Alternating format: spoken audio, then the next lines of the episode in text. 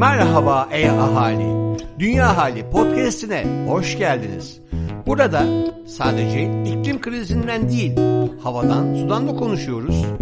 Yuvamız, dünyamızdan bahsediyoruz. O zaman e hadi başlıyoruz.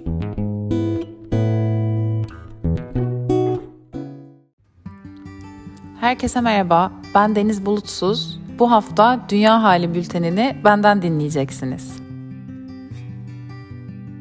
Selam Dünyalı. Ekim ayının ilk sayısından herkese merhaba. Yuvam Dünya olarak Konda Araştırma ve Danışmanlık Şirketi ile yapmış olduğumuz Türkiye'de iklim değişikliği algısı araştırma raporumuz yayında. Kurucu üyemiz Nilkara İbrahimgil'in bulguları özetlediği videoya ve tüm detaylara web sitemizden veya bültenden ulaşabilirsiniz.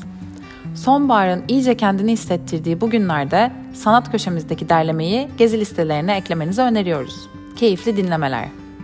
Kübra Dağtekin İklim Masası Çağla Fadıllıoğlu Haberler İklim krizi Yaşamları boyunca genç nesillerin yaşlı nesillere kıyasla iklim felaketleriyle daha fazla karşılaşması bekleniyor.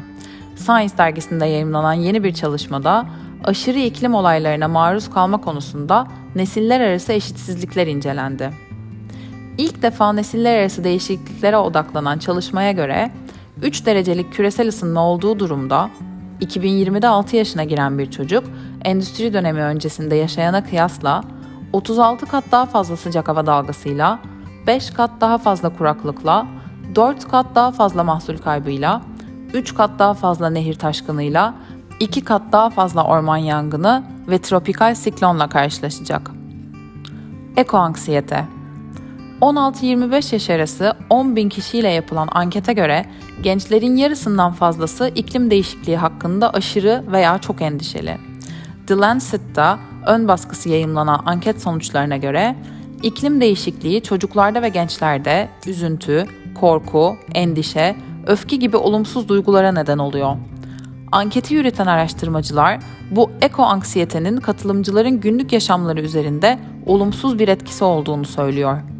Çalışmaya göre olumsuz duyguların bir kısmı hükümetlerin iklim felaketine engel olmak için yeterince çaba göstermediği hissinden kaynaklanıyor.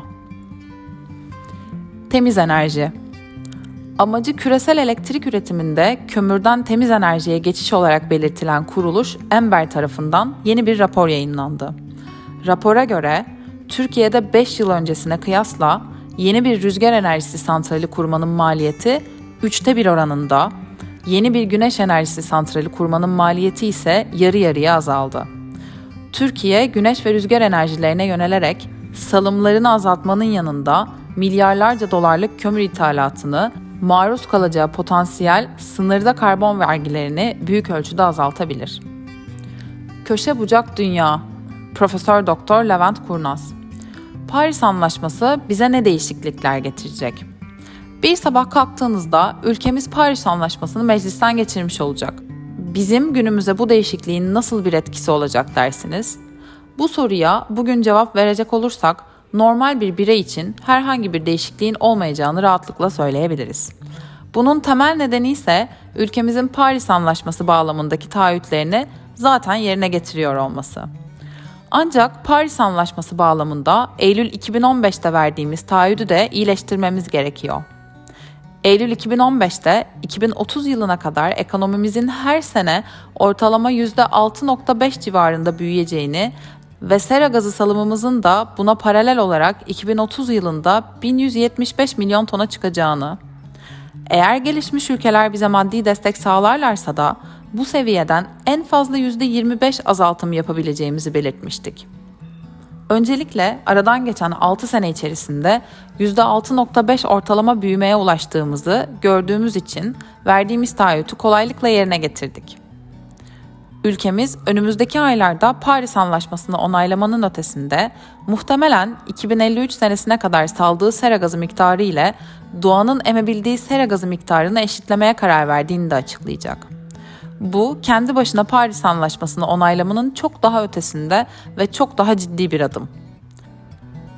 Ülkemizin 2053 senesine kadar karbon nötr olmaya karar vermesi bizim açımızdan büyük değişikliklerin gelmekte olduğunun bir göstergesi. Türkiye'nin bu büyüklükte bir adımı Glasgow'da yapılacak olan iklim zirvesinde ortaya koyması zirvenin en çok konuşulacak olaylarından biri olacak.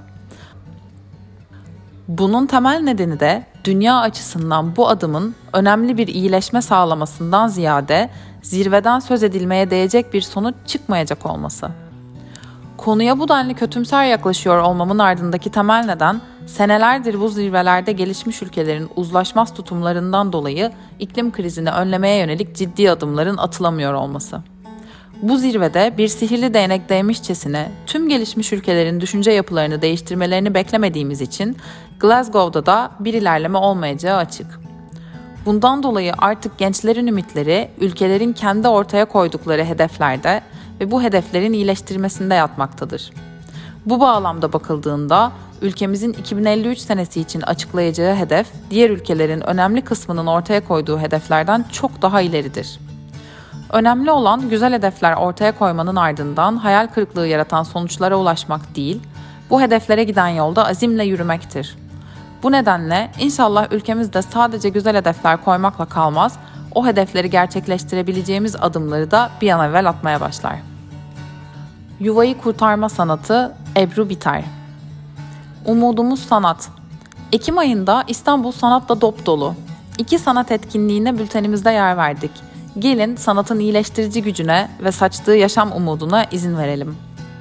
Terra Incognita sergisi Contemporary İstanbul Vakfı ile İvroşe Vakfı işbirliğinde 30 Kasım'a kadar Fişekhane'de, Cocoon by CIF'de.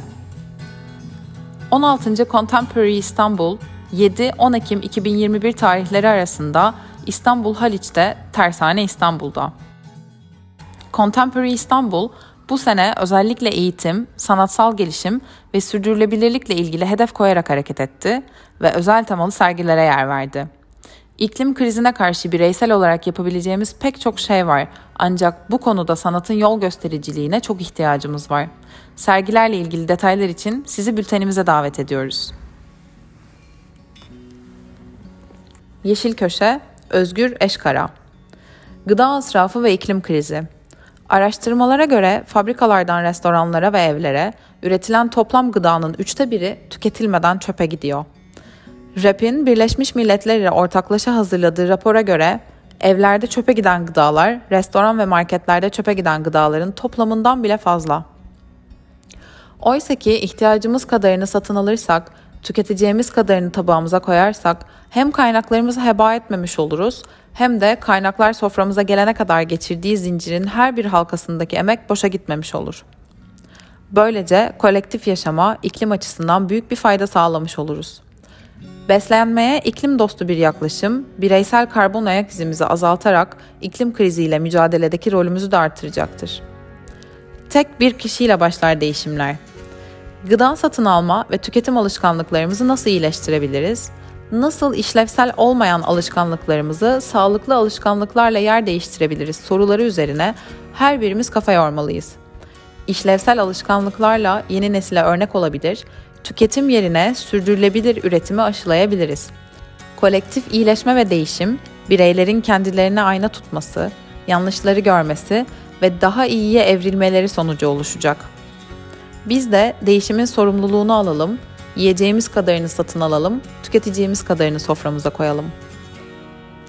Yuvam Dünyalılar ne yapıyor? Özgül Öztürk. Takip ediyoruz. Ekolojik Yaşam Merkezi.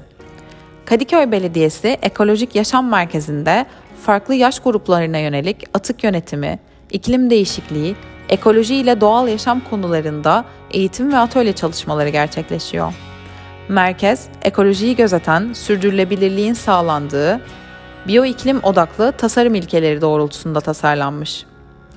Ekolojik Yaşam Merkezi'nde Ekim ayı içinde gerçekleşecek eğitimleri inceleyin, içlerinden mutlaka biri veya birkaçı ilginizi çekecek. Haftaya görüşmek üzere, sevgiyle kalın.